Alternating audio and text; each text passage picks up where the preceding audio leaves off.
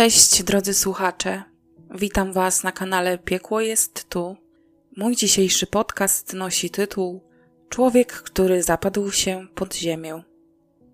Dzisiaj opowiem o sprawie, która nie została wyjaśniona, pomimo dołożenia do tego wszelkich starań zarówno policji, jak i mieszkańców miasta, w którym miała miejsce ta tragedia. Sprawa, która jest o tyle tragiczniejsza, że w przyszłym roku nastąpi jej przedawnienie. Został więc jedynie rok do wyjaśnienia zagadkowego morderstwa młodej dziewczyny. W przeciwnym razie sprawca okrutnej zbrodni nie zostanie już nigdy postawiony przed sądem i nie odpowie za krzywdy, jakie wyrządził nie tylko swojej ofierze, ale także jej najbliższym, którzy już od prawie 30 lat zadają sobie to trudne pytanie, dlaczego ich bliska zginęła i kto jej to zrobił. Jako, że jest to naprawdę stara sprawa, wówczas policjanci mieli też dużo mniej możliwości, jeśli chodzi o analizę materiału dowodowego i sam sposób przeprowadzonego śledztwa. Dlatego jej rozwiązanie nie było i nie będzie łatwe. Historia jest też bardzo tajemnicza z tego względu, że niewiele wiemy o samej ofierze, jak i o sprawcy. Postanowiłam jednak o niej opowiedzieć. Po pierwsze, dlatego, że ze statystyk mojego kanału wynika, że przeważająca liczba moich słuchaczy to ludzie w wieku od 40 lat wzwyż. Istnieje więc możliwość, że wśród Was znajdzie się ktoś, kto być może słyszał o tej sprawie, być może zaobserwował coś, co będzie istotne w tej sprawie, a nawet rozpozna sprawcę. W tym odcinku wyjątkowo opublikuję portret pamięciowy człowieka poszukiwanego od wielu lat jako główny podejrzany. Będziecie mogli przyjrzeć się mężczyźnie. Może akurat wśród Was znajdzie się ktoś, kto przyczyni się do rozwiązania zagadkowego morderstwa. Wiem, że moje zasięgi są jeszcze niewielkie, natomiast nigdy nie wiadomo, kto posiada jaką wiedzę. Może ktoś coś zaobserwował, może ktoś jest nawet nieświadomy tego, że zna tego człowieka. A po drugie, poruszam tę sprawę dlatego, że moim zdaniem jest interesująca w swojej tajemniczości i mam nadzieję, że również Wy wysłuchacie jej uważnie i z ciekawością. 8 września 1992 roku na dworcu kolejowym w Żaganiu, najprawdopodobniej z nocnego kursu relacji Warszawa-Żagań, około godziny 8.40 wysiadł tajemniczy mężczyzna trzymający na ramieniu dużą czarną torbę. Tuż po tym, jak zszedł z peronu, pierwsze swoje kroki skierował do przechowalni bagażu. W żaganiu miał zamiar chwilę zostać, być może pozwiedzać, a być może tylko zjeść coś czy rozerwać się w barze. Prawdopodobnie w tym mieście zatrzymał się tylko przejazdem i to właśnie w żaganiu miał zrobić sobie odpoczynek od długotrwałej podróży. W każdym razie po opuszczeniu pociągu ruszał w kierunku centrum miasta i nie miał zamiaru nosić ze sobą nieporęcznej, dużej torby. Podał ją ostrożnie pracownikom stacji PKP, zaznaczając, że w środku znajduje się cenny przedmiot, którym miał być telewizor i żeby na tę torbę wyjątkowo uważać. Mężczyzna wzbudzał ciekawość, bo był pracownikom stacji PKP i zarazem mieszkańcom Żagania zupełnie nieznany. Szybko więc założono, że jest to ktoś spoza miasta. Żagan nie jest jakimś dużym miastem, raczej miasteczkiem liczącym na dzień dzisiejszy około 26 tysięcy mieszkańców, więc jest możliwość, że z widzenia można przynajmniej kojarzyć większość lokalnych mieszkańców. Nieznajomy zachowywał się dość specyficznie, co też nie umknęło uwadze ludzi. Był nazbyt wylewny i otwarty, to znaczy, że rzucał jakieś osobiste komentarze, na przykład było tak, kiedy podawał swoją torbę, zamiast powiedzieć po prostu, że żeby uważać na tą torbę, bo jej zawartość jest cenna, to on postanowił opowiedzieć historię o tym, co ona zawiera, gdzie i jak zdobył ukryty tam przedmiot. Poza tym uwagę przykuwał także jego wygląd, a ściślej mówiąc, kolczyk, który miał w jednym uchu. Zaraz po tym, jak zaopiekowano się jego bagażem, pracownicy stacji PKP obserwowali, jak nieznajomy mężczyzna opuszcza stację kolejową i wędruje w kierunku centrum miasta. Tego dnia miał zamiar zatrzymać się na chwilę w jakiejś restauracji, odpocząć, napić się alkoholu i może nawet poznać kogoś interesującego. Kiedy znajdował się już przy rynku w żaganiu, jego uwagę przykuł szyld jednej z restauracji. Jej nazwa stylowa brzmiała zachęcająco i intrygująco. W innym źródle ta restauracja nosi nazwę Tropik, więc jeśli będziecie o tym czytać, to uprzedzam, że używając tej pierwszej nazwy sugerowałam się źródłem lokalnym. Kiedy mężczyzna wszedł do lokalu, było około godziny 10 rano. W środku jednak, prócz jedynej kelnerki, nie było żywej duszy. Lokal z nazwy był restauracją, jednak tak naprawdę pełnił funkcję baru. Przychodzili tam ludzie głównie spragnieni alkoholu. Mężczyzna zajął miejsce przy barze i zagadał do młodej, na około 30-letniej kobiety, która stała za ladą. Nie przedstawił się, natomiast od razu skomentował ciszę i spokój, która w restauracji panowała, tak jakby miał zamiar oznajmić, że właśnie w takich warunkach planował spędzić ten poranek. Na jej uprzejme pytanie, co dla pana, poprosił o piwo i odrobinę ciepła. Powiedział to z rozbrajającym uśmiechem, który nie uszedł uwadze kobiety. W ten właśnie sposób przełamał lody i między kelnerką a tajemniczym podróżnikiem wywiązała się rozmowa.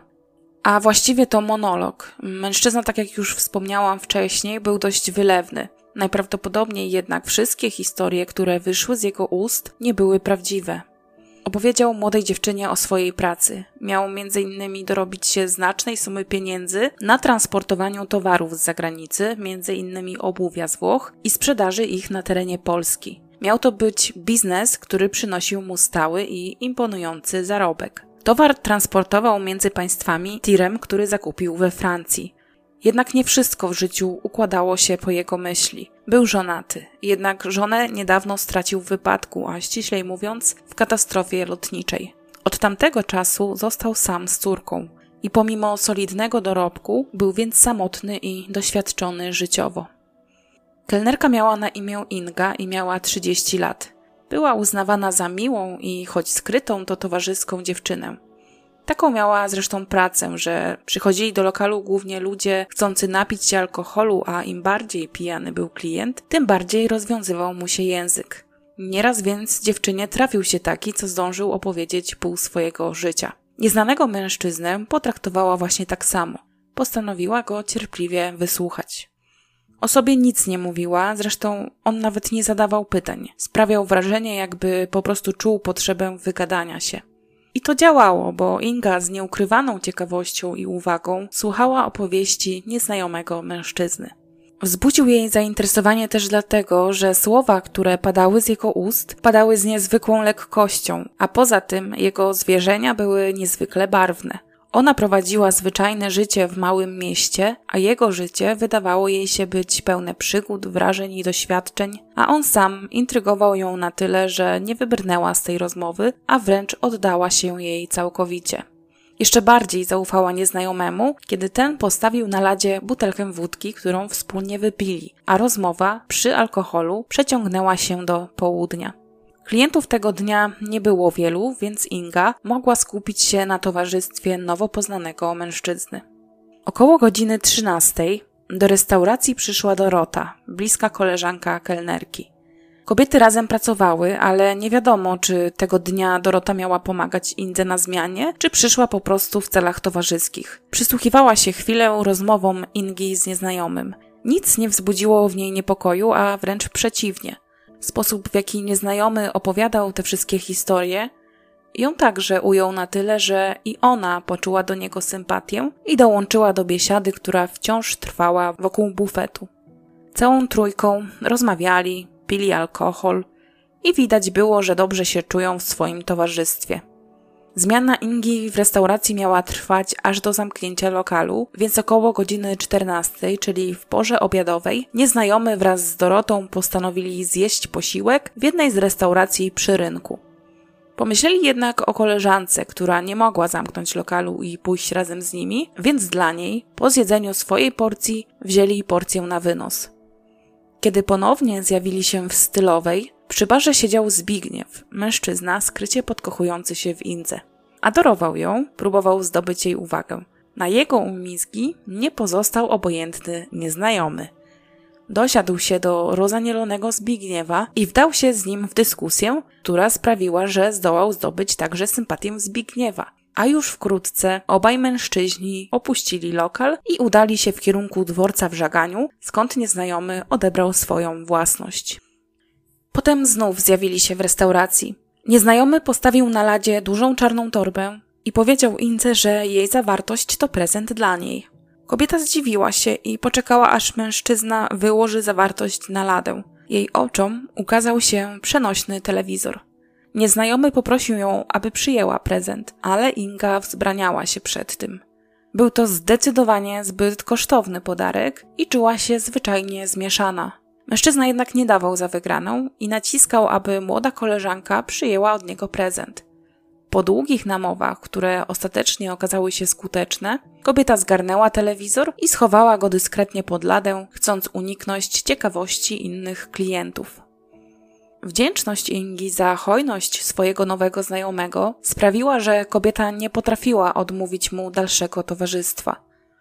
Czuła się jednak o tyle raźniej, że cały ten czas spędzała z nimi również Dorota.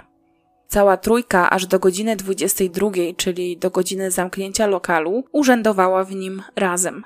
Zaraz po tym, jak opuścili stylową, skierowali się do innego baru, gdzie w otoczeniu mieszkańców miasta i muzyki rozrywkowej spędzili wieczór przy alkoholu. Wszyscy dobrze się bawili, a zaufanie pomiędzy tą trójką zawiązało się na tyle, że młode kobiety nie miały nic przeciwko, aby późną nocą przechadzać się ulicami żagania w towarzystwie przejezdnego gościa. Żadna z kobiet nie miała żadnych podejrzeń co do zamiarów mężczyzny i z entuzjazmem słuchały jego zwierzeń i opowieści z wielkiego świata, którego kawał już zwiedził, a także korzystały z jego uprzejmości i na jego koszt spożywały alkohol. Było już bardzo późno, kiedy pijana, ale wesoła i w doskonałych humorach trójka dorosłych ludzi opuściła bar w centrum żagania. Jako, że prawdopodobnie obie kobiety mieszkały w Bożnowie, Mówię prawdopodobnie, bo wiadomo, że Dorota na pewno tam mieszkała. Z kontekstu źródeł wywnioskowałam, że Inga też, ale nie jestem co do tego przekonana. Swoje kroki skierowali właśnie do tej niewielkiej wsi, liczącej około 50 gospodarstw domowych, bezpośrednio przylegającej do żagania.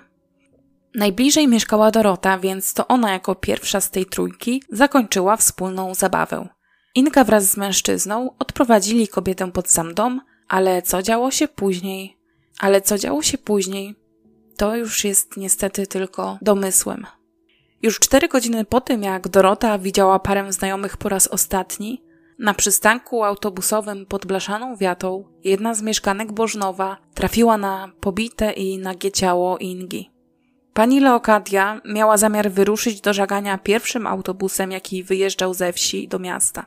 Była jednak odrobinę wcześniej na przystanku, a jako, że był to wrześniowy poranek i było już dość chłodno, to chciała schronić się przed chłodem pod wiatą przystanku. Nie zabawiła tam jednak długo, bo już kilka sekund później wybiegła z przystanku z krzykiem.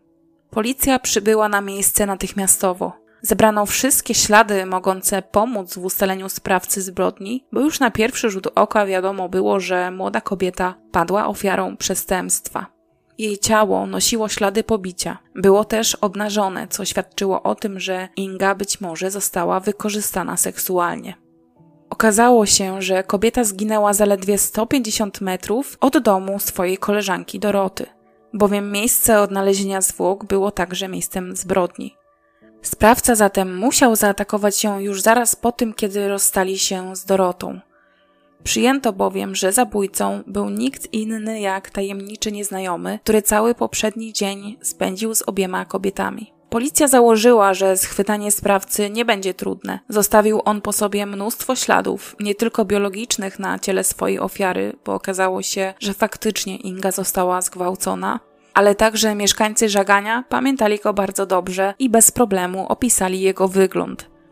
Był on też w kilku miejscach w żaganiu, między innymi cały dzień spędził w lokalu, w którym pracowała Inga, był również na dworcu i był też w jednej restauracji. Zostawił po sobie zatem mnóstwo odcisków palców i mnóstwo tropów. Portret pamięciowy, który został stworzony w celu rozpowszechnienia wizerunku podejrzanego o morderstwo mężczyzny, wyglądał jak najbardziej realnie, co potwierdzili zresztą ludzie, którzy mieli z nim bezpośredni kontakt. Zarówno pracownicy stacji PKP w Żaganiu, jak i Dorota, która w jego towarzystwie spędziła praktycznie cały dzień. Ustalono, że nieznajomy musiał zaatakować Ingę zaraz po tym, jak odprowadzili do domu Dorotę. Najprawdopodobniej przymilał się do młodej kobiety, która nie odwzajemniła jego zalotów. Kiedy stał się natarczywy do tego stopnia, że zaczął ją obłapiać, kobieta wyrwała mu się i stanowczo odmówiła zbliżenia. Wtedy mężczyzna miał się zdenerwować i nie znosząc sprzeciwu, zaczął okładać Ingę pięściami, kopać i zdzierać z niej ubranie. Żeby nie wzbudzać niczyich podejrzeń, choć była głęboka noc i mieszkańcy Bożonowa zapewne dawno już spali, wciągnął ją pod wiatem przystanku autobusowego i tam ją zgwałcił. Następnie udusił ją, ciało zostawił i zbiegł z miejsca zbrodni. Prawdopodobnie nie planował tego zabójstwa, a skłonił go do niego opór, jaki stawiała kobieta. Być może bał się, że jeśli pozostawi ją przy życiu, ona zgłosi gwałt na policji i mężczyzna będzie musiał ponieść konsekwencje. Ku jego niewątpliwemu zdziwieniu, policja przez wiele lat nie zdołała ustalić jego prawdziwej tożsamości. Choć pobierano materiał genetyczny od wielu podobnych mężczyzn, żaden nie okazał się być sprawcą morderstwa.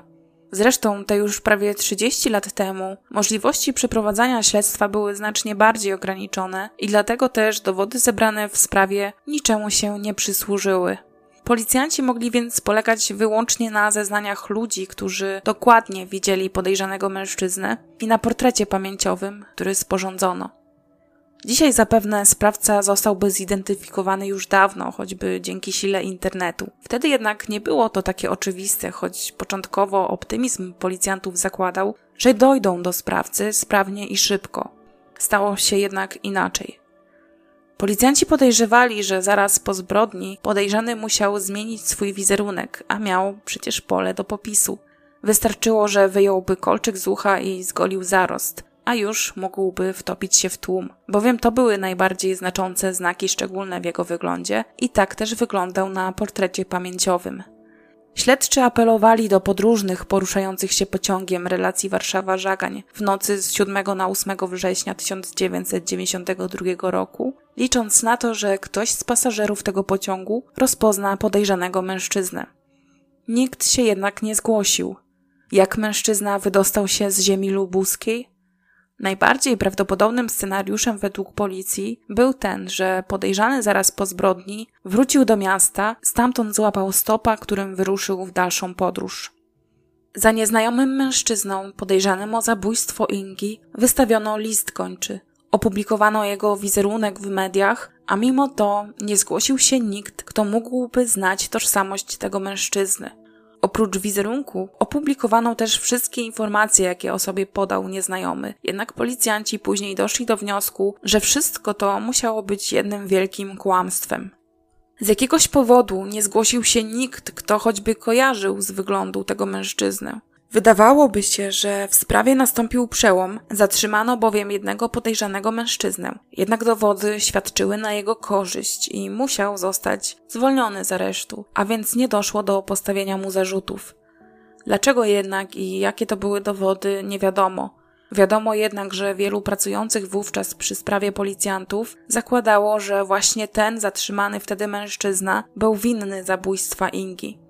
Teraz prawdopodobnie odsiaduje jakiś inny wyrok w więzieniu i nieoficjalnie mówi się, że to jest właśnie jego karma za zbrodnię.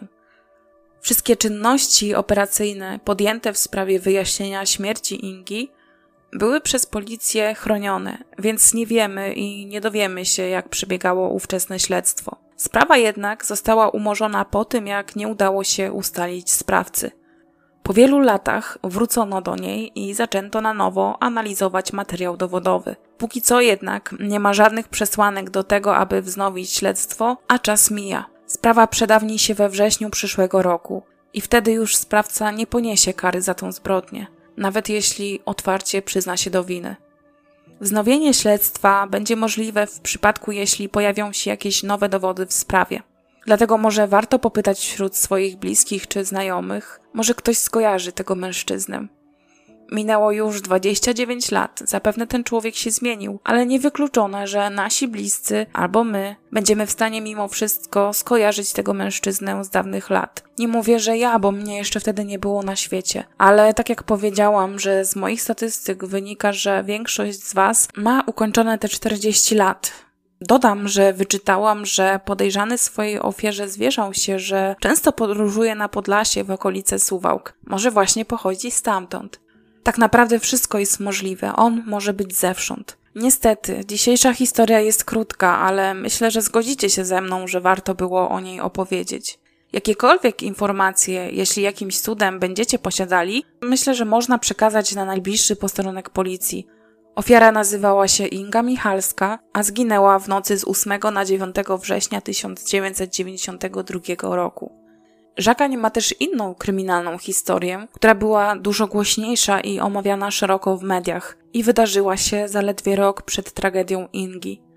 Być może ją kojarzycie, dotyczy zabójstwa Joanny Tomczak, 18-letniej dziewczyny, a wyjaśnieniem jej zabójstwa zajęło się Archiwum X.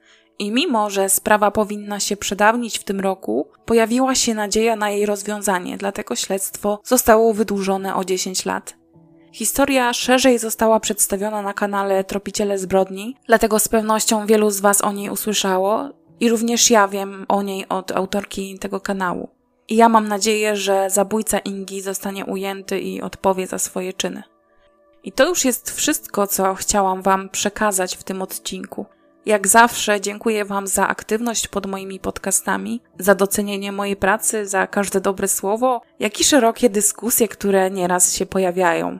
Bardzo się cieszę, że jesteście tak aktywni. Przytulam każdego, kto dzisiaj tego potrzebuje i mam nadzieję, że słyszymy się niebawem.